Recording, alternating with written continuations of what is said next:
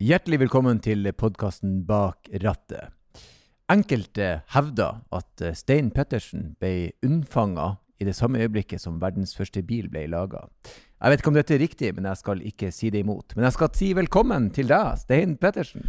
Tusen takk for det. Det er jo en glede da, å være her sammen med deg i showrommet til Bertil Ostein i Bjørvika for å møte nok en fantastisk gjest. Ja, og denne gjesten det er altså en historisk første i podkasten. Han sprengte skalaen vår og ga seg sjøl en elver som sjåfør. Ja, og for de som ikke har sett det på internett allerede, han har eh, kjørt drifting rundt Nürburgring i en 45 år gammel budsjettbygd Toyota Cresida. Og denne mannen har også i relativt høy hastighet filma alt fra biljakta til menneskelig forplantning, altså sexscener. Dagens gjest er Fredrik Sørli. Han er racingsjåfør, filmskaper, restaurerer, samler og mekaniker. En mann med ekstremt mange hatter. Og for en variert og innholdsrik prat. Sjelden har vel eh, knappe timen forløpt raskere. Nydelig prat. Eh, jeg er oppriktig glad for at jeg får lov å gi denne til dere. Så raus er jeg faktisk.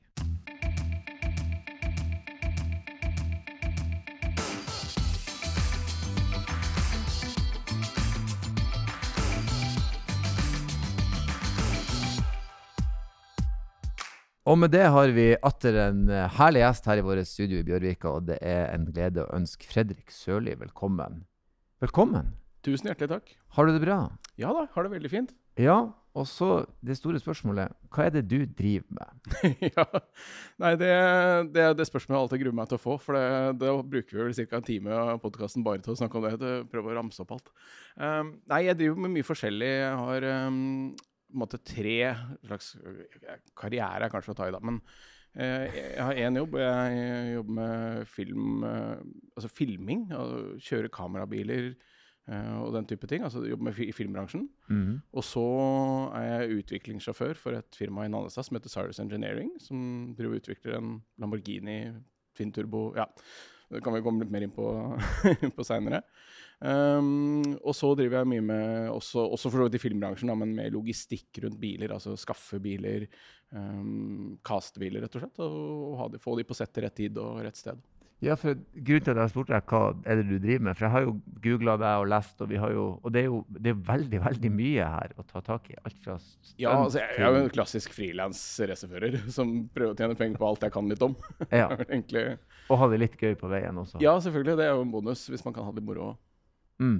Først den kamerabilen. Mm. Vi, hvis vi skal forklare folk hva det her er Det er altså en bil med en svær arm på som holder et kamera. Ja. Som gjør at du kan filme bilscener. Ja, det er jo kort forklart. Er eh, Hvordan, endte, hvordan gikk det her til, egentlig? Um, det er mye tilfeldigheter, sånn som mye annet her i livet. Det er, eh, jeg vil si, det er en kombinasjon av å ha den rette kompetansen, men også da være på rett sted til rett tid. og, og alle de tingene her. Dette er en bil som ble bygget i forbindelse med den første Burning-filmen. Mm. Så det er en, eh, for så vidt en relativt gammel bil nå. Det er en ML55 AMG. så den begynner å dra på åra. Men den, den, ble bygget da til den filmen, og da var påmontert en ganske kraftig gyrostabilisert kran på taket. Mm. Og så har du da et kamerahode foran på den krana, som også er gyrostabilisert, og et ordentlig filmkamera da i, i, det hodet igjen. Og så bruker man dette verktøyet. Det er et fantastisk verktøy. Det brukes veldig mye bilreklamer, så vi har gjort utrolig mye bilreklamer uh, rundt omkring, i, både i Norge og Europa med den bilen. Mm. Men også en del actionkjøring til filminnspillinger. Altså hvis det er en biljakt eller et eller annet koreografert. Men det kan også være Vi har altså gjort en uh, sexscene, så, så, det er, er ganske vari, variert bruksområde. jeg, jeg prøvde å se for meg hvordan de Da går det hardt for seg når du må ha Kran.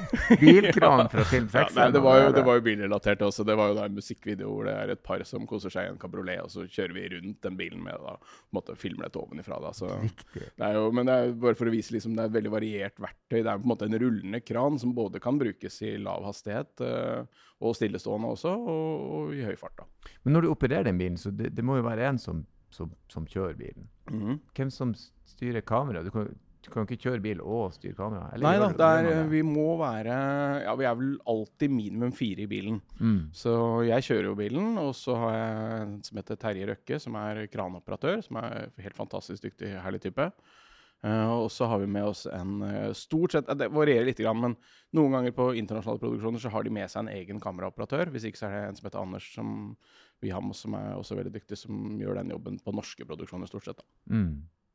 Men når du da skal eh, eh, filme ei bilscene eller ei actionscene, det, det må jo være mye koordinering, nesten som en, som en dans. Altså, det er jo ingen tilfeldig. Det er ikke sånn bare dere kjører dit, så skal vi se hva vi får. Jeg regner med det. Uh, ja, det, det er litt begge deler, altså. Det er det. Ja, det Er det rom for eh, impro òg? Hvis det er en reklamefilm, så er det ofte veldig forhåndsbestemt. Da har man en eh, shotlist man skal følge, og man har veldig spesifikke bilder med spesifikke innganger og utganger av bildet og sånn, som man kan klippe, klippe sammen. For da skal man ha gjerne kanskje 30 sekunder film til slutt, så da, da har man ikke så mye spillerom. Men uh, f.eks. når vi gjør norske spillefilmer, altså spesielt 'Burning', kanskje, som er et sånt prakteksempel, er jo det er bare gerilja-style, gunne på.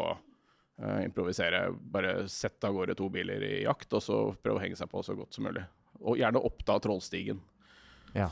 For det er jo ganske krevende å kjøre en uh, Selv om en, eh, en ML en, eh, og en AMG er en bil med bra power, så skal du gjerne følge biler da, som er bygd for å kjøre mer svingete og raskere, kanskje, enn det den bilen er. Ja, altså det er jo selv om det, ja, det som du sier, det er en kraftig bil, men, men det er jo Vi veier jo også 3,7 tonn fullasta med folk og utstyr og sånn. Um, så det er jo noen racerbil blir det jo aldri. Men um, nei, vi har jo filma i ganske høye hastigheter på bane. Vi har jo bl.a. filmet den i Burning 3, så kjører vi på Nürburgring. Og da kjører vi jo det den bilen går rundt Nürburgring. Og det er overraskende bra følge vi klarer å holde med en del av de det er jo ikke alle de bilene som er med i filmen som er så raske, eller selv om de ser sånn ut. Så det, det er jo mye filmtriks. Så nei, den, det er et fantastisk verktøy, og du kan pushe den ganske hardt. Men det er klart den har jo sine begrensninger, da. Det har den jo. Det krever jo det krever sin mann å håndtere det her, da. Du må ha litt forståelse for vektforflytting og sånn, i hvert fall. Så jeg kjenner at den Racingbakgrunnen er jo en del av det, men jeg er veldig glad for at jeg har gjort mye annet dumt akkurat på en bil òg. Og prøvd mye forskjellig. Og hatt, liksom, jeg har alltid hatt sånn filosofi at jeg skal prøve å sladde med alt jeg kjører. I hvert fall alt jeg kan disponere og ha ansvar for sjøl.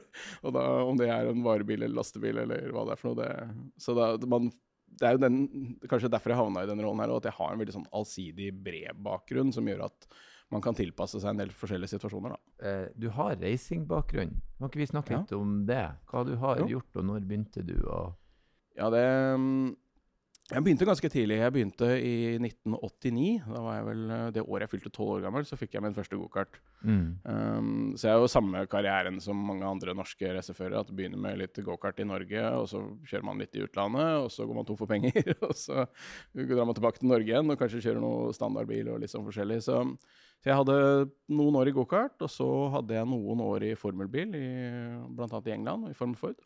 Mm. Eh, som jo gikk bra, uh, men det var jo fort tomt for penger der òg, da. Vi hadde jo en sånn liten, liten drøm om Formel 1 jeg også, da jeg var 17 og naiv, men det ga seg ganske fort, da. Mm. Og så, Litt beskjeden, da, for du var ganske, var ganske bra talent, eh, Fredrik.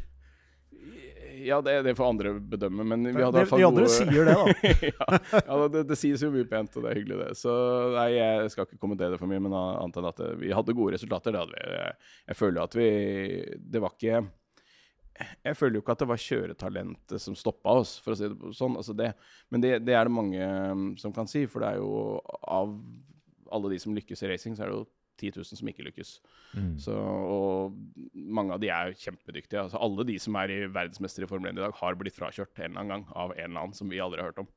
Uh, sånn er det bare. For så vidt Um, et bra perspektiv, det er sant, det. ja, En det- annen gang så har de blitt grundig ja. kjørt. Men det var noen andre gode førere som kjørte Formel Ford på den tida også. ja da, det var jo det. Jeg kjørte jo noen løp mot uh, Mark Webber annet, og han Ryan Kartikeian som var så vidt innom Formel 1. Så det var jo en del av de førerne som kom, kom hele veien dit, Uh, selv om de kanskje ikke var de beste av de som kom dit. da. Eh, Men så er det jo masse andre førere man har vært bortom og kjørt om kapp med, som nå kjører andre GT-mesterskap rundt omkring i verden, og som har hatt en karriere. Og det, jeg tror det er et par av de andre som har vært på podkasten her tidligere, som også har vært inne på det, at det, det å komme fra Norge er jo en, rett og slett bare en ulempe når det gjelder racing. Det er for lite marked, det er for lite sponsorer, og det er for, det er for lite økonomi i det, rett og slett. Og da må man stå på egne bein og prøve å finansiere det selv, og det, det koster. Mm. Men, men hvor, du starta i, i gokart, eh, men hvor kom den interessen fra? Er du sånn eh, motorsportinteressert Kommer du fra en bilinteressert familie? Um, ja, men ikke utpreget. Uh, jeg har ikke noen foreldre som har drevet aktivt med noe bilsport eller noe sånt noe. Jeg har en bilinteressert far, men um, min interesse er kommer delvis fra Det er motorsport. Det er jo det som på en måte kanskje fanga liksom den lidenskapen. Um, men jeg var jo interessert i bil fra jeg sikkert kunne uttale ordet bil. Mm. Um, men ikke, kanskje ikke noe mer enn en vanlig gjennomsnittgutt fra litt utenfor Oslo på den tida. Mm. Um, men så er det egentlig to ting som har fått meg veldig interessert i bil i ettertid. Og, det, og de to det kan vi komme litt tilbake til, men de, har, de to tingene har jo da møttes igjen i voksen alder. Og det er jo det ene er bilsporten. som Jeg, jeg begynte å se bilsport da jeg var veldig liten. Vi abonnerte på noen VHS-kassetter uh, som sikkert Stein nikker gjenkjenne til her. som produserte av uh, ja, Morten Berg og Henning Isdal og den gjengen der. Så vi abonnerte på de, og så fikk jo da ble fora med rallycross og Martin Skanke ikke sant, i, i ung alder, og syntes jo det var veldig spennende. Uh, og så var det film film og TV. Altså TV-serier og filmer. Bilfilmer. Mm. Så husker jeg liksom Første gang jeg så 'Smoke and the Bandit. Den kom jo ut ja. det året jeg var født. Ja, så jeg så jo ja. den litt sent, da, eh, sikkert. Eh, men, eh, men altså, det, det satt jo spor i en ung gutt. Ja, for du er 78 eller 77? Eh, 77. 77 jeg er 78-modell. 'Smoke and the Bandit var jo For vi fikk jo lov å se de og så de om og om og om igjen. ikke sant? Og ja, den bilen er jo ikonisk. Den ja, ja. Det er jo, med ørna den står fremdeles høyt på bucketlisten. du, den, og de er begynt, Selv om det er en helt ubrukelig bil. ja, da, men de er begynt å bli eh, populære og ja, koster litt nå. Sånn, sånn, alle de bilene, altså ikke bare fordi de har vært med i film, men en del av disse ikoniske bilene, mm. de, de, har jo eksplodert i verdi. Det er jo nesten så det ikke går an å få tak i lenger. Mm. Så ja, der, så, ja så selvfølgelig, på et eller annet tidspunkt så, så merga disse to interessene, film og, og serier og, og, bil. Og bingo, så kjører du en, eh, ja, en kamerabil rundt Nürnbergring. ja, det, må ja, det, en, det, må jo være en drømmesituasjon? da. Ja, det er egentlig det. det er, jeg gikk og tenkte på det her i stad. At det er på en måte akkurat som at opp gjennom livet da, så, så blir, det, blir man ganske mye løse tråder. Altså Du begynner med litt ting og er borti for mye forskjellig. Og så plutselig så liksom samles alt igjen sånn på et tidspunkt hvor alt bare alle puslespillbitene bare faller på plass, og så er liksom bildet komplett. Mm. Og litt sånn føler jeg nesten at det var. For jeg, jeg, har jo holdt på i, ja, i 25 år og ikke visste hva jeg skulle bli når jeg ble stor. Um, mm. Så den det karriere den karriereendringen som jeg gjorde da for ja, det snart ti år siden nå, hvor jeg måtte så at det faktisk går an å jobbe med å kombinere min interesse for film og media. Jeg har jobba med webdesign og vært grafisk designer i 15 år. Mm. Så jeg kommer liksom fra en sånn visuell yrkes, ja, karriere, yrkeskarriere, kanskje. da. Og, å kunne kombinere det med bilsportsinteressen som jeg alltid har drevet med da på si, som måtte stort sett bare vært en utgift. Mm. Uh, å klare å kombinere det og gjøre det til et levebrød, er jo uh, kanskje det jeg er mest takknemlig for i, i livet. For du har jo et sånt uh, blikk da, tydeligvis, som, uh, som, på en måte funker, og som du sikkert har med deg fra det grafisk design-sida, på en måte. Fordi det å lage film, og det å ha en riktig bil i riktig film Nå kan jo du på en måte skape de neste bilikonene, egentlig, da, ved å kaste riktig bil til riktig film. Ja, det er, jo ikke, det er jo mange andre som har meninger ja, også om akkurat det. Det er jo noen scenografer og produksjonsdesignere og sånn og regissører som uh, mener mye om bil. Men uh, men ja, det å, det å kunne ja, kaste en bil til en karakter, det syns jeg er veldig spennende. Det å, liksom, og, og, kanskje da tenke litt lenger, litt mer utenfor boksen enn hva en filmperson kanskje ville gjort, da, som da tenker veldig stereotypisk. ikke sant? Og tenker at å, jeg er en lærer, ja, da kjører jeg en Volvo stasjonsvogn. Mm. Mens uh, jeg gikk jo på Steinerskolen, og jeg husker vi hadde jo Aune Sand Nei, Vebjørn Sand var jo vår kunstlærer og kommer kjørende i Porsche 911, men med sånn saueskinnstrekk på setene. så, så det der stereotypiske bildet av en lærer for meg er jo kanskje litt mer det, det, har jeg aldri hørt. En 911 med saueskinns Ja, det var helt fantastisk. Det var en herlig type. Det er veldig gøy. Det er veldig, veldig gøy. Det er mange Porsche-entusiaster nå som krøller tærne i skoene når de hører det, men det er veldig veldig gøy at han bare 'Jeg vil ha saueskinn'. Ja, det er varmt på vinteren. Skal være komfort. Ja. komfort. det er jo helt nydelig. Men hvordan casta du? Det syns jeg er litt interessant. For det er jo blitt mer um, altså Bil jo Bil er jo et eh, Det er så mye. Det er transportmiddel, men det er også et statussymbol. Det er kultur. Eh, det sier noe litt om hvem du er. Eh, og i filmer spesielt alt fra Bånd kjører Aston Martin, sånn har det blitt. Og Helgenen kjørte Volvo. Og, så hvordan går du frem når du caster? Hvordan caster du bil til en skurk, f.eks.? Han er lite sympatisk. Hva kjører han? Det er jo det å klare å finne den balansen mellom hva som er stereotypisk, i den forstand at folk, publikum, må jo kunne assosiere denne bilen til denne type person. Så, så det blir jo litt at man må Man kan ikke gå for langt utenfor folks forventninger, kanskje, da. Men, eh, men så er det egentlig litt å bare prøve å tenke litt kreativt. ok, hva, Sånn som for eksempel vi nettopp ferdig nå i, med den uh, serien som nå går på NRK, som heter Flus. Med, med bl.a. Herman Flesvig. eh, Ja, den, eh. Der er jo hele handlingen satt til 90-tallets gjengmiljø. Ja.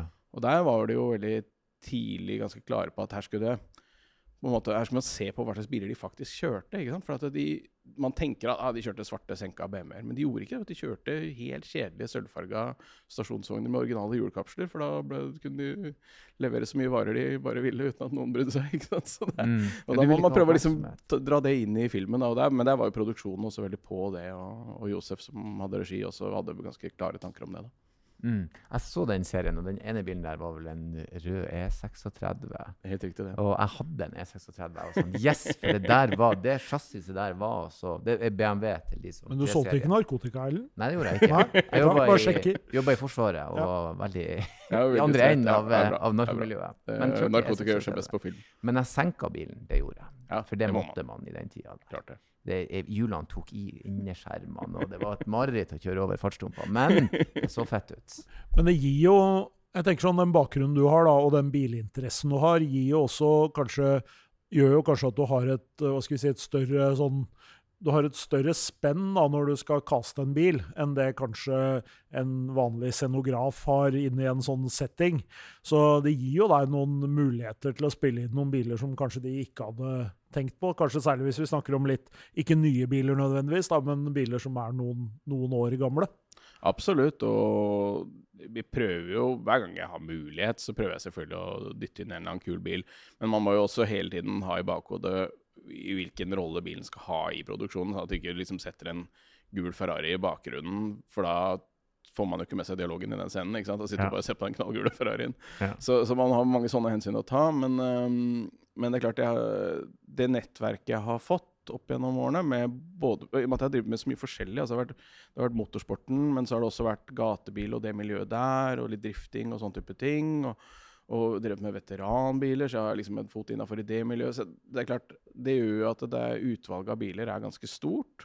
Um, men så er det jo Vi lever jo også i Norge, så tilgjengeligheten er jo ikke alltid nødvendigvis god. Spesielt på vinteren. Få tak i veteransportsbil i desember i Norge, det kan jo være en utfordring. da. Så det er mange, ja, det er mange faktorer å ta hensyn til, rett og slett. Er jo en typisk post på Facebook fra, fra Fredrik. Det er sånn Er det noen i Lillesand-området som har en uh, Ferrari GTO tilfeldigvis neste torsdag? ja, det, det blir jo noe av det. og Jeg prøver jo å begrense bruken av Facebook litt, men det, er- det er jo et fantastisk verktøy. altså det er Facebook er I- der er faktisk Ja, Facebook altså I dagens samfunn, hvis du ikke er Det er jo det eneste stedet jeg er sosial. Er det noen som har uh, høyre bakhjulsopphegg til ja. en uh, Og det er det noen som har. Og det er, det er det som er, ikke sant? Det er alltid noen som har. Det er Mm. alltid noen som kan hjelpe, og folk er jo hjelpsomme. Og det, det er vi veldig takknemlige for. Men bilmiljøet er jo er et fantastisk miljø. altså Det er fullt av entusiastiske, hjelpsomme folk. Du som er ekspert, kan ikke jeg spørre deg? Det, det, jeg, jeg kan si det. Stein kan sikkert si det, men han vil ikke si det. Men jeg kan si det. Jeg er så dritlei av Porsche. For hver gang du spør noen, så sier de men Porsche, Porsche. Så det er sånn, kan du være så vennlig å trekke hodet ut av slutt, altså av din egen ende og se deg rundt? Eh, For det er, det, det, det er en go-to. Det er Porsche, det er Porsche, det er Porsche. det er Porsche.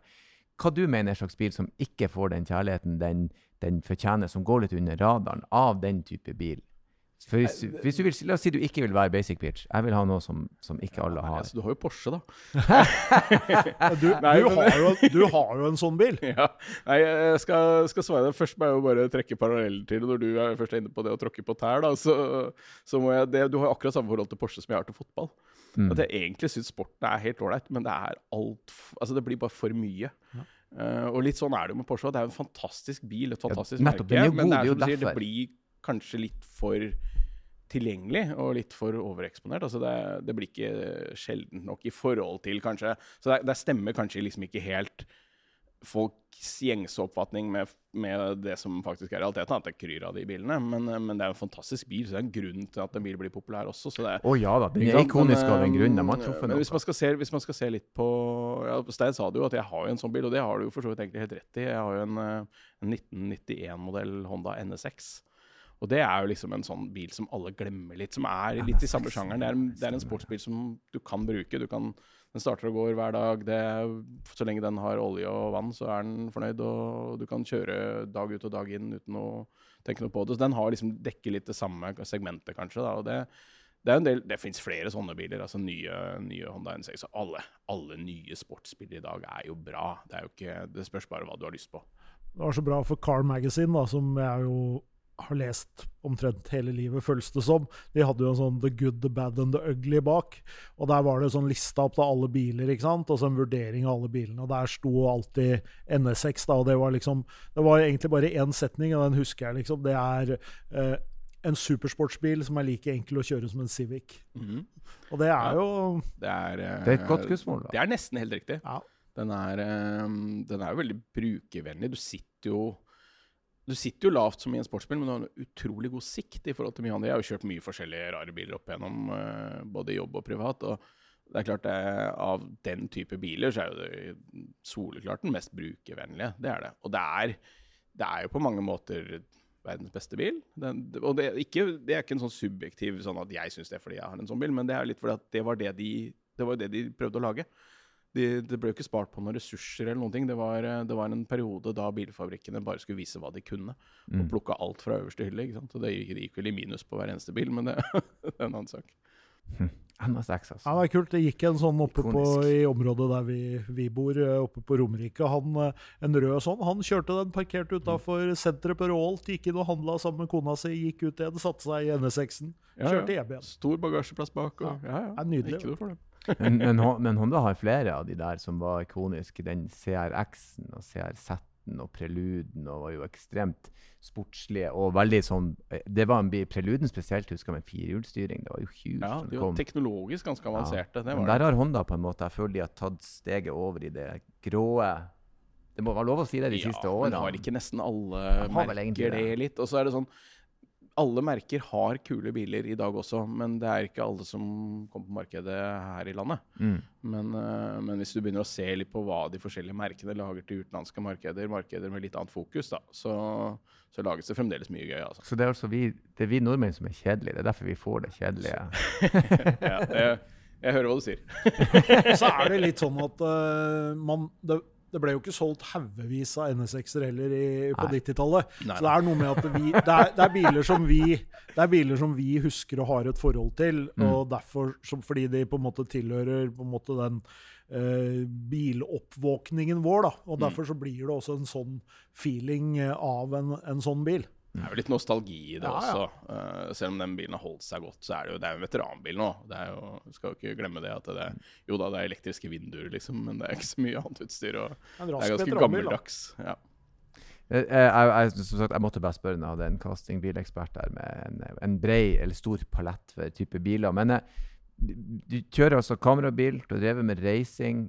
Men jeg har sett en helt fantastisk video på YouTube Stein visste meg, der du med en uh, Toyota de var sledda mm. rundt på Nürnberg Ring. Ja. Kan ikke vi snakke litt om det? Først og fremst, hvorfor en Hva var den het? En Toyota Cresida. Cresida. Mm. Årsmodell? Uh, 77, samme som meg. En, 77, mm. en 77 Toyota Cresida. Mm. Eh, hvorfor akkurat den bilen? Det er for så vidt en uh, også, også, en rekke tilfeldigheter. Det, det, var, det starta med at jeg um, drev for meg selv, som jeg var inne på, med grafisk design. Hadde hjemmekontor og hadde null penger. Men også null behov for bil, egentlig. Um, så jeg skulle bare ha en billig bruksveteran. Jeg. Som jeg kunne slippe å betale årsavgift, og så kunne jeg ha billig forsikring, og så kunne jeg kjøre til butikken når det regna. Det var mm. det jeg skulle ha. Mm. Så jeg gikk på Finn, og så fant jeg en gammel Toyota til 15 000 kroner. Tenkte den var kul, den kjøper jeg. Og så dro jeg og kjøpte den. Og så var det en kompis av meg som som jeg kjenner litt sånn fra driftingmiljøet, som heter David Riiber. Som driver Underground Garage i Mjøndalen. Og han var den som begynte å pushe på at vi skal ikke gjøre noe gøy med den bilen. For de bilene er jo litt populære i Japan, og det er enkle å bygge om, og det er godt understell på dem. og Det er jo i prinsippet altså Alle gamle Toyota fra den tida det er jo samme understellet. Så under så er den jo helt lik en Celica Supra fra samme årsmodell. ikke sant? Det er jo, Um, så det er veldig mye felles Det er lett å bygge de om, da. Mm. Og da, da fant vi ut at da skal vi bygge et budsjettbygge. Da skal vi se så vi ta utgangspunkt i mitt budsjett, som har null pluss en bugg. Uh, og så fikk vi sponsa en motor, vi fikk tak i en billig girkasse på huggeren. Vi, vi liksom lagde egne understellsdeler. Uh, David gjorde på en måte jobben kostnadsfritt, men jeg måtte bare skaffe det lille vi måtte ha materialer og deler, og det klarte vi akkurat å, å få til.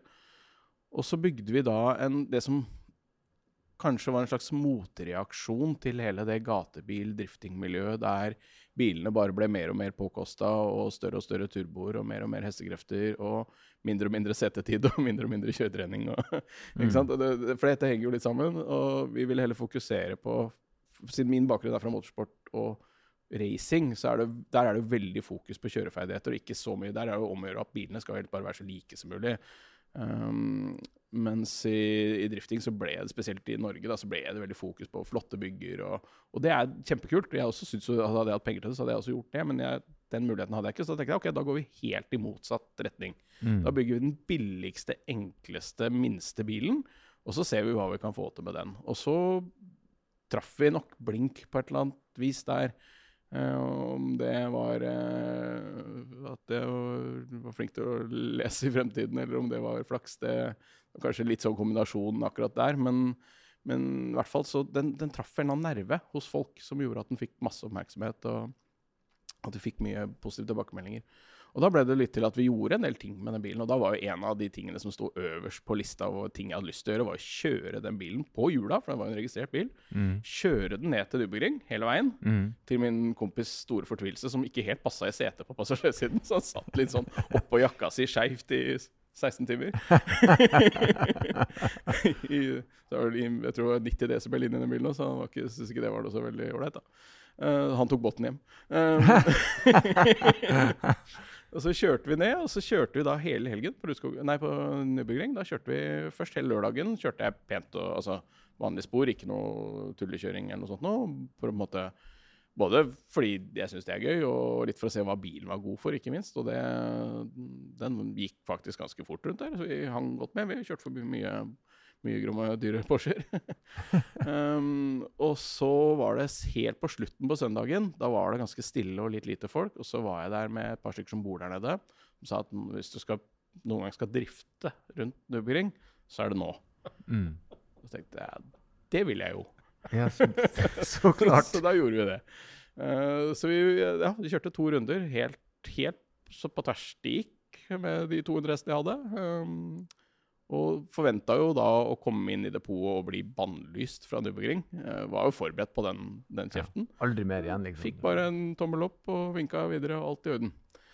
Så, så det var litt gøy. Og det, det, er jo, det er jo litt sånn Det som er litt gøy med den bilen, at den går liksom helt under radaren. Selv, selv om du kaster den sidelengs under Nürburgring, så er det sånn Ja, men det er jo bare en gammel Toyota veteranbil. Dette er jo ja. Det er jo ingen som blir sinte for det. Ingen bryr seg. nei. Så, nei, så den har, den har åpna mange dører og vært, jeg har gjort mye gøy med den bilen. Altså.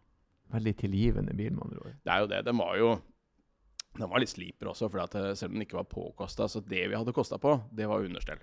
Ja. Understell og bremser. Så det var fullt justerbart eh, understell. med, Det var ikke en foring igjen på hele bilen. Det var bare uniballs og justerbare stag og Ørlins understell. Og, ja. Så det var liksom, det var ikke spart på noe der, men eh, Men eh, ja, den var veldig tilgivende å kjøre. Den er, det er en morsom lekebil til tross for lite effekt, men den veier jo ikke mer enn 1080 kilo. Da, ikke sant? Så Men nå er den under en, eh, en, en pågående, langvarig restaurering, eller? Ja, vi skulle fikse litt på den, så nå står den opp ned i vogge samblåst. Så det tok, vi skulle egentlig bare brette noen bulker og sveise litt rust, men eh, ja, det ble litt omfattende. Men han kommer tilbake. Den kommer tilbake, og så har jeg jo to til. Ja. Så, ja. Jeg har sett, jeg har sett du har et par ja, til. nei, altså det, det, men det er ikke noe Nå har den Jeg kjørte med den bilen i nesten fem år i forskjellige sammenhenger, og jeg følte på en måte at den, den gjorde jobben sin og gjorde nytten sin. Nå skal den bare preserveres og gjøres fin og tas vare på. Men, eh, men du kan si den, den perioden med den bilen er jo litt over sånn,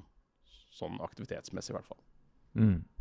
Jeg, jeg vil anbefale alle som hører på, å gå inn og så sjekke ut Instagram-sida di. Du har jo ei boble der òg. Ja da, jeg har det. Jeg har jo mye. Har, Du har Jeg- mye et de- Du har NSX-en der, du har Ja. bobla der. Det Riktig det. Nei, det er jo Et av spørsmålene jeg vet dere hadde lyst til å stille, var liksom hva slags biler man kjører privat. ikke sant? Jeg hørte, det er sånn jeg satt og tenkte ja. Eh, Jeg hadde 19 biler hadde jeg registrert Ja. meg her for Det eh, er ikke så, han er verre enn meg. Ja, Så- men uh, kvitta oss med noen. Nei, det er- mye av det er jo jobbsammenheng. Jeg har jo tre politibiler og to sjukebiler og litt sånn som jeg bruker å leie ut og sånn, så det er klart en del av bilene er jo til det. Men, men øhm, ja, jeg har en 65 boble. Jeg har alltid vært veldig glad i luftkjørte folkevogner. Mm. Um, så det holdt jeg på med en periode på tidlig 2000-tall. Og da jeg har vel hatt en 13-14 sånne, og noe ja, splittbusser som jeg solgte altfor billig, og litt sånn forskjellig. Så. De er verdt litt nå. Ja, ja, det er jo De er, er Ikke- altså, det burde være en egen podkast bare hvilke biler man har hatt som man ikke skulle solgt. Ja. ja, der er noen av de. Der har vi Men du er jo en type, i hvert fall ser det sånn ut, da, som går på en måte litt sånn all in. Du får litt sånn dilla liksom på det du begynner med. Ja, det Er det lov å si det? Ja, altså det, og det jeg er jo veldig åpen og ærlig om det, at jeg skal på utredning for ADHD. Det er jo kanskje litt på overtid. Jeg kjenner at det er kanskje ikke helt nødvendig. Det er fullt fokus. Ja, for du må fortelle, da, for i, i sommer så har du drevet med, med sånne BMX-sykler, ikke sant? ja ja da. Det har vi, ja, selvfølgelig. Det må man jo. Nei, ja, fordi jeg har jo, jeg har jo ikke sykla siden jeg var 14. Eller jeg har, hatt, jeg har kanskje hatt en mountainbike stående sånn til depot på billøp, liksom, men ikke noe mer enn det. Så i sommer så skulle jeg bare ha Jeg hadde litt ferie for en gangs skyld. Jeg hadde et par uker hvor jeg ikke hadde noen ting å gjøre.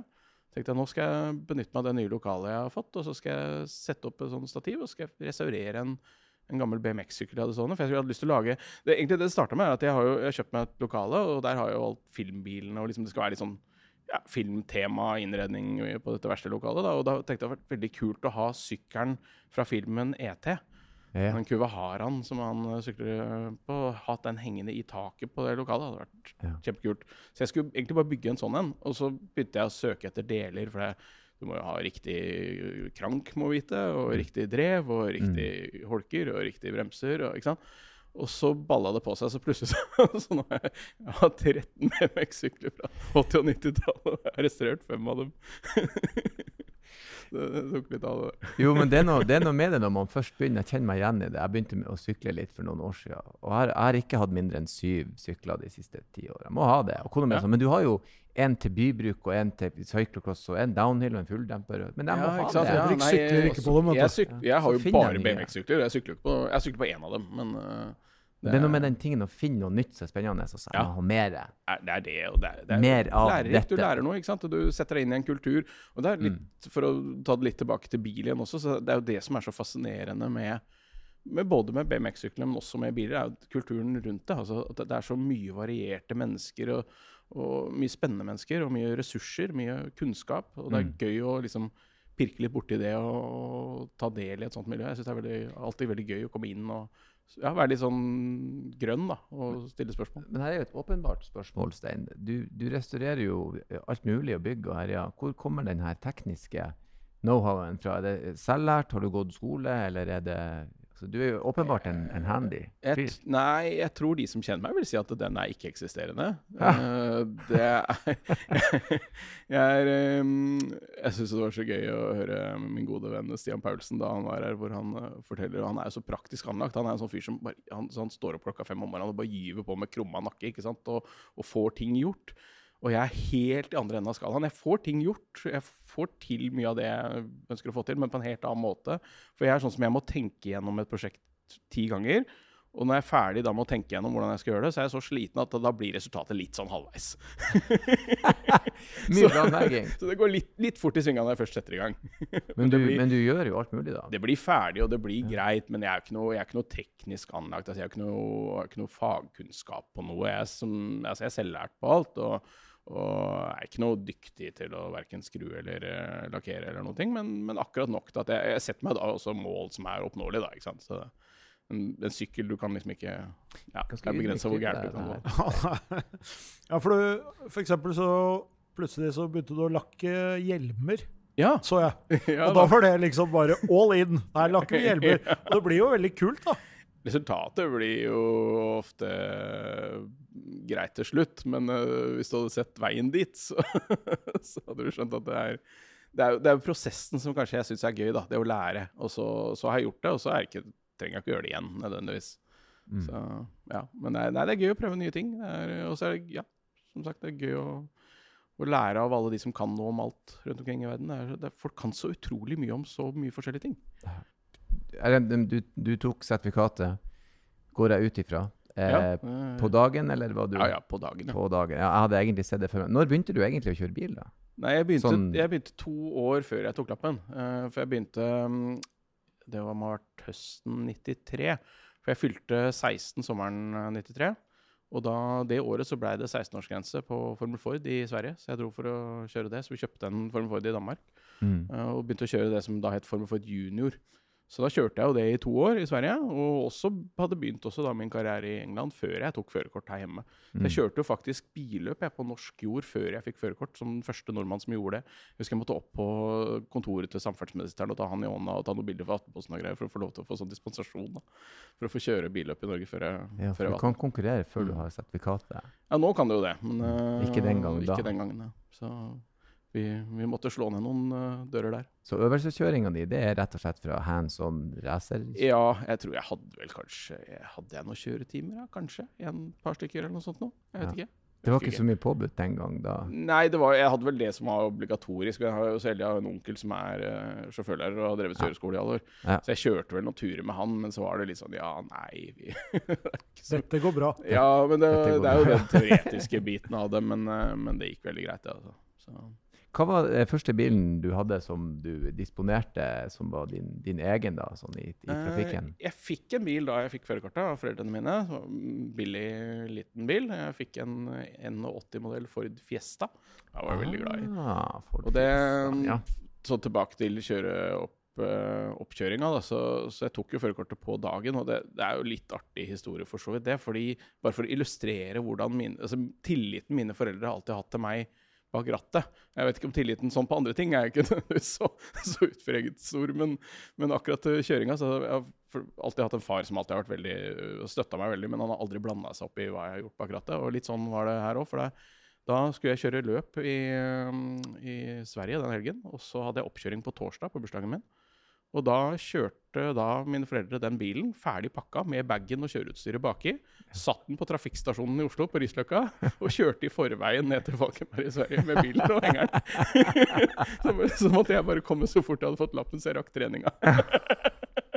det, er, det, er, litt ekstra press på skuldrene til ung lovende. Ja, gikk, gikk bra, det, heldigvis.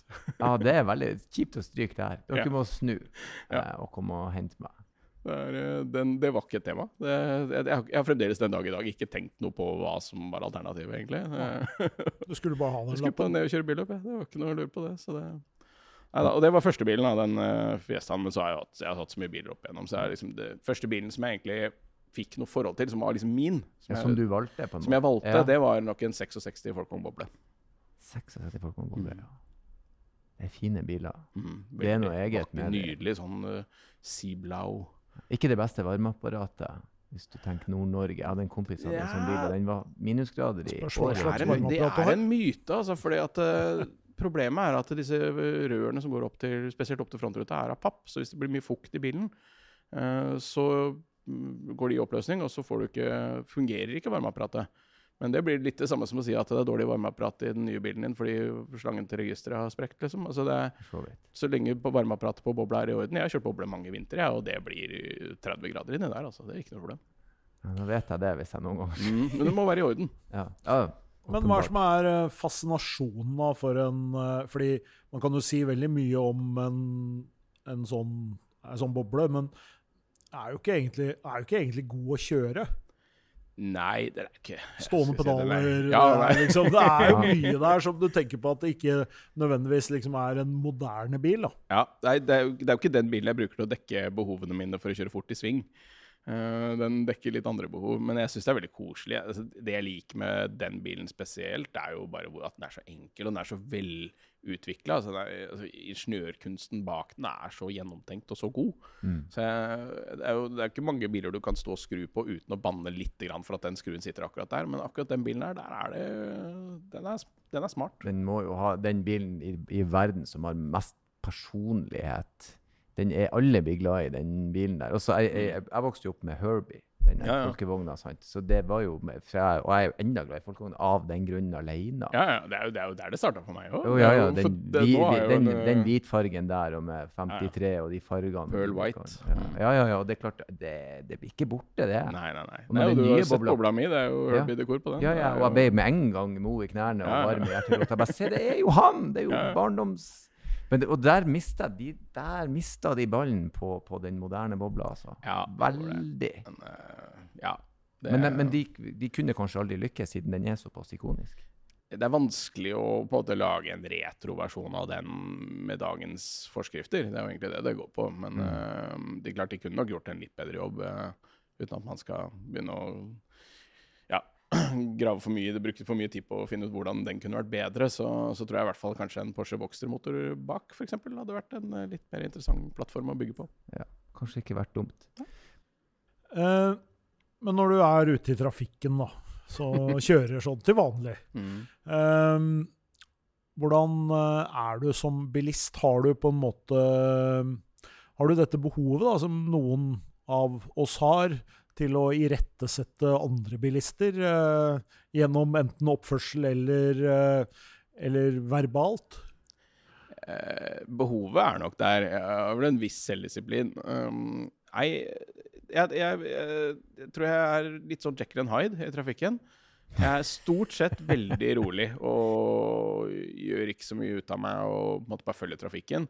Jeg kan jo bli litt irritert, og så er det jo litt den der at man er så komfortabel bak et ratt at man uh, har en litt annen terskel for hva som er u ubehagelig. Så det er vel det eneste. Men, men jeg er, um, prøver å være ja, oppføre meg pent, egentlig, og kjøre Jeg vil jo si at jeg er ganske snill og eh, Om noe så er jeg kanskje litt ukonsentrert i trafikken noen ganger, for jeg, jeg syns det er kjedelig.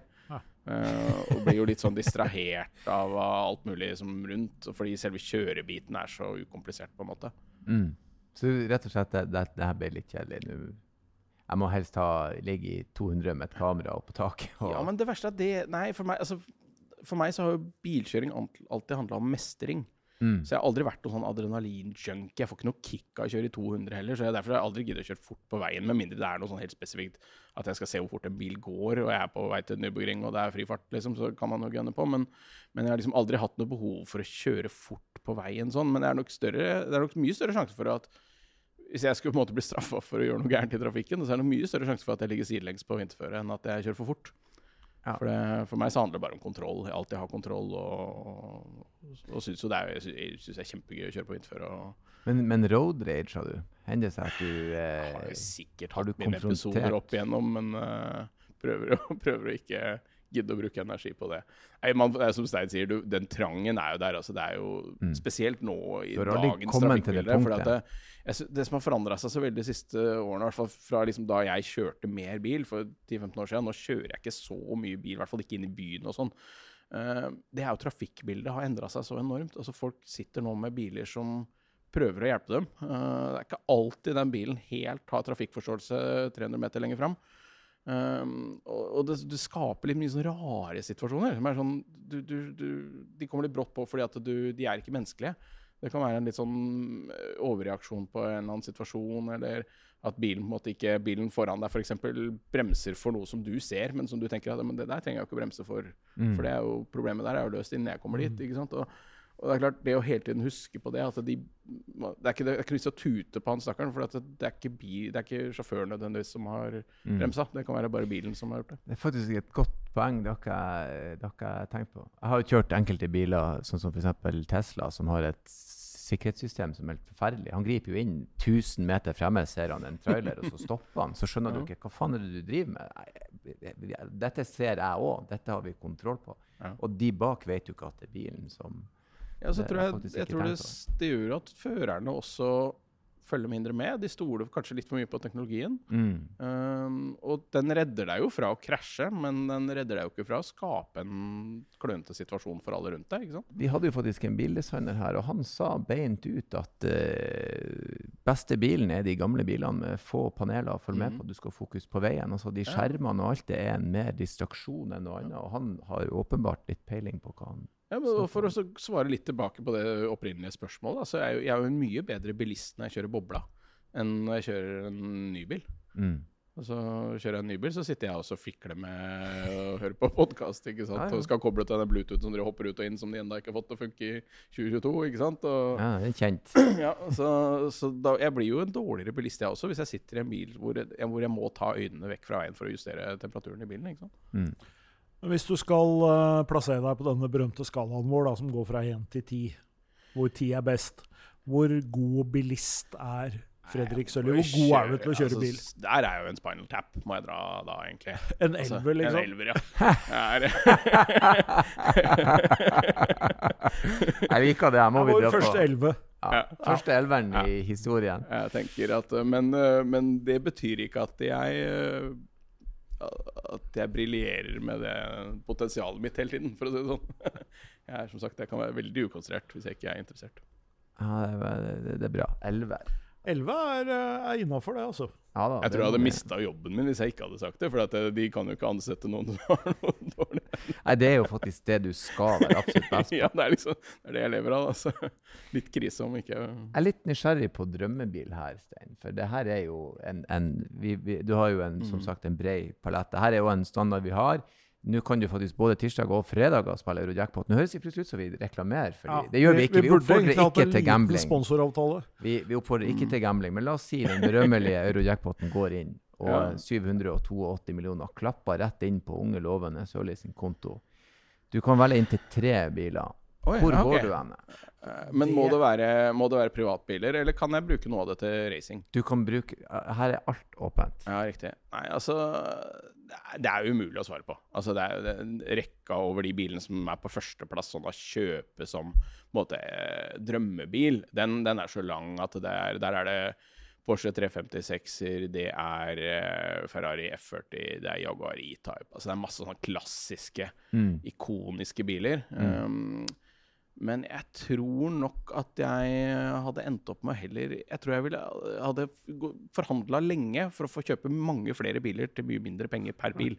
Altså, og fått penger. utvida den der istedenfor bare kjøpe tre dyre. Det hadde jeg ikke helt Nei, jeg hadde nok heller kjøpt 30 billige Så for å ha liksom, liksom dekka behov. For jeg mener at det, det verste jeg vet, er jo kompromissløsninger. Så jeg, jeg, jeg er jo Jeg skal ikke si, bruke ordet hater, men jeg, jeg misliker sterkt biler som prøver å dekke alle behov. Altså at du skal ha en sporty Ja. SUV med god bagasjeplass og fyrstrekk. Altså, jeg har en Paero med svære hjul, og så har jeg en stasjonsvogn når jeg skal ha med meg ting, og så har jeg en sportsbil. ja. I stedet for å ha Jeg, en bil som fyller jeg tre gidder ikke å betale behov, to millioner for en bil som er dårlig Ja. på alle de tre tingene. Det, Ja, riktig. så- Det er for så vidt ikke dumt tenkt. Jeg skal ha Jeg er stasjonsvogna til tur, og så skal jeg ha sportsbilen til kjøreglede, og så skal jeg ha denne Helt til riktig. dette. Så, så det er jo så, tre biler hvis, For å si det sånn, svaret er så enkelt som at hadde jeg vunnet i euro-jackpot, så hadde jeg ikke kjøpt tre biler. Ja, for da hadde du først kjøpt hele den Jeg garasjerekka, hadde ikke kjøpt sant? 100, og så hadde jeg plukka ut de jeg liksom aldri brukte etter hvert, og så kanskje silt ut litt sånn over tid, da. Men jeg hadde nok heller kjøpt veldig mye forskjellig, tror jeg. Og du kunne kjøpt 100 biler hvis du Ja. hadde vunnet. Det Ja, har ikke vært noe problem. En snittpris på 3 Men, millioner, du har masse penger igjen. Og så hadde jeg nok eh, satt av en liten pott til å stikke en tur til Australia og kjøre litt eh, Dunlop Super 2 eller noe sånt nå. For å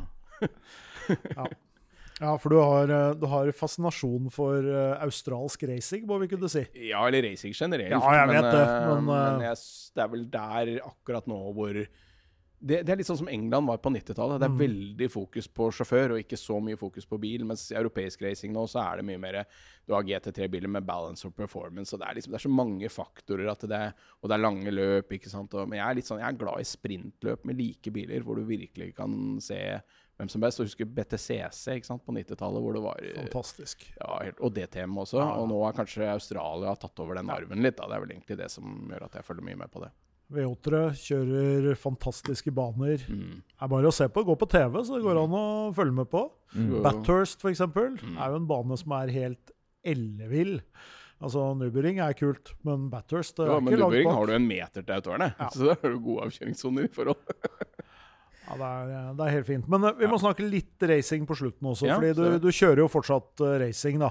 Ja. Også, og da må du fortelle litt om fordi at eh, dette er jo egentlig noe helt elleville greier som eh, foregår på et sted hvor ingen skulle tro at noen kunne bygge en racerbil, for Ja, si sånn. På Moreppen i Nannestad. Ja, for det er liksom Det er ikke akkurat eh, Det er ikke Balocco eller, eller Modena, for å si det sånn. Nei, det, vet du hva, det der er Hele den reisen her er helt surrealistisk. Altså, det, jeg, jeg skal fortelle om det, og så får spørsmål sånn som nå, ikke sant. Så Du vet liksom ikke helt hva du skal si, for folk tror ikke på deg. Men altså, det er et firma i Nannestad som da har bestemt seg for at de skal bygge verdens raskeste Lamborghini. Oi. Og så har de fått med litt investorer og sånn på det, og klart da å bygge en Huracan med twin-turbo og fullt GT3 karbongulv og egenproduserte vinger og bodykit og alt. Og lagd da en 1200 hesters Lamborghini Huracan. Og den tenkte de jo å teste, så de spurte meg. Jeg kjenner jo han som har dratt i gang det prosjektet ganske godt fra tidligere. Han har alltid sagt i alle år at bare vent, Fredrik. Når jeg får muligheten til det, så skal jeg døtte deg bak rattet på en racerbil. Og så har jeg tenkt sånn, ja, det er hyggelig av deg å si, ikke sant? men det kommer jo aldri til å skje. Plutselig så ringer han jo her for tre år siden på en torsdag da, og lurer på hei, du, kan du komme på Rudskogen i morgen, for vi har en ledig bil. Og så begynner jeg da å kjøre for dette teamet. Da, og det er jo, da kjører de med standard Huracan racerbiler. Så da kjører jeg en sesong med det først, for å bli kjent med bilen og kjent med teamet. ikke sant? Og, og så begynner vi å utvikle denne turbobilen og kjører den da to sesonger i racing. da. Vi, og vant jo norgesmesterskapet på første forsøk med den bilen, og vant nesten alle løpene vi kjørte. Det er det er for det er jo et beist av en bil. Den er litt stor og tung kanskje nå til å henge helt med de største klassene, for nå er de raskeste bilene i Norge nå er raske. Men, eh, men det er jo er sånn prosjekt du tenker at det her er jo bare luftslott, dette blir jo aldri noe av. Og nå har de altså vært på TIFF nå forrige uke og fikk godkjent hele bilen ferdig. Nå er alt godkjent, Ja. med utslippskrav og alt, med 1200 hestekrefter. Den eneste bilen i verden, den eneste Lamborghini da, eh, i verden som er godkjent med så mye effekt. Og da kan vi begynne å selge biler. De har allerede solgt én nå, og jeg tror jo det at når den blir levert og måte folk ser at oi, dette er ikke bare en 3D-render i en pressemelding eller noe Svada-greier fra en eller annen uh, gæren riking i USA. Dette er faktisk et hardtarbeidende team fra Nannestad som har bygd denne bilen fra bånn av. Mot alle odds, ikke sant. Mm. Det er, eh, og gått på noen smeller. altså Det har jo vært noe motgang underveis. Det er jo både økonomisk og kapasitetsmessig. Og, sant? Det er jo to-tre mann da, som står og jobber døgnet rundt. Så det er all ære til de. altså. Det er helt utrolig. Det er noe så utrolig deilig med denne historien. Det er noe veldig sånn eh, Reodor Felgen-esk Ja, over det veldig. hele. Med et sånt team og, og bare stå-på-vilje og Mm. jobbe døgnet rundt der. eh, Det er Ja, og, og det å få være en del av det. Og få, så jeg, jeg har jo kremjobben. Jeg sitter jo og kjører denne bilen. Jeg får jo bare være med på moroa, egentlig. Mm. Jeg slipper jo å skåne for veldig mye av harde arbeidet innimellom. Eh, men det å få være med på det og, og se, se et sånt prosjekt bli virkelighet, det er, eh, det er ganske stort. Jeg håper at etter hvert eh, folk vil se litt hva de faktisk har fått til der oppe. For det, Hvor det er kan- liksom godt bevart hemmelighet, egentlig. Hvor kan lytterne våre gå for oss å lære noe mer om det her? Er det noen nettsider? Er det Eh, noe sosiale medier. Cyrus ja. Engineering. Cyrus, Cyrus.no. Eh. Sett. Sett. Beklager det. Ja, men jeg liker det. Det er, det er noe med den tilnærminga der, altså. Også, og som sagt, den derre Hva skal vi si, det der med å ha en sånn en sånn breddeinteresse for bil. Fordi det er jo mange som er superinteressert i biler, men er kanskje mest interessert enten i supersportsbiler, Mm. eller så er det bare Alfa Romeo, eller så er det bare sånn. Men Mm. det er jo noe kult med folk som bare syns bil er Mm. kult. Og så har du liksom Da har du jo så fantastisk mye å velge i. Mm. Ja, jeg tror det. Jeg, jeg tror mange kanskje går glipp av Men sånn er det jo med, måte med Ja, ja. musikk eller annen type Ja til alt man er interessert i. Altså jo, man kan fort gå glipp av mye bra hvis man henger seg opp i én ting. Da. Og så for meg å være opphengt i f.eks. ett bilmerke, det, kunne aldri, det ville aldri vært aktuelt. Og, og så er jeg ikke så interessert i nye biler, f.eks. Det, det er litt, litt eldre biler som er mest interessante sånn personlig, da. Mm. Men jeg synes jo, der deler jeg jo interessen veldig med, med Karl Erik Haug også, at det er veldig interessert i menneskene rundt. Altså Ja. miljøet rundt. Mm. Og som jeg var inne på i stad, den kompetansen som fins. Fordi i alle sånne miljøer du, du finner folk som er, eh, sitter på enorm kunnskap og eh, ressurser. Mm. Ja, det er kult. Veldig, veldig, det har vært en ekstremt uh, bra prat. Jeg er så veldig veldig fornøyd med at du stakk innom. Jeg var jo et ekst- veldig bredt spekter av eh, For oss som er glad i Ja, bil, ja, så er det jo en, eh, en twistpose av godbiter. Ja, så hyggelig. Nei, jeg kunne jo sitte og prata bil med dere i mange timer. er Ja, det var veldig veldig kult at du kom innom. Tusen takk for at du stakk innom. Og så avslutter jeg som jeg alltid gjør, med å si kjør forsiktig. Det skal jeg gjøre, vet du.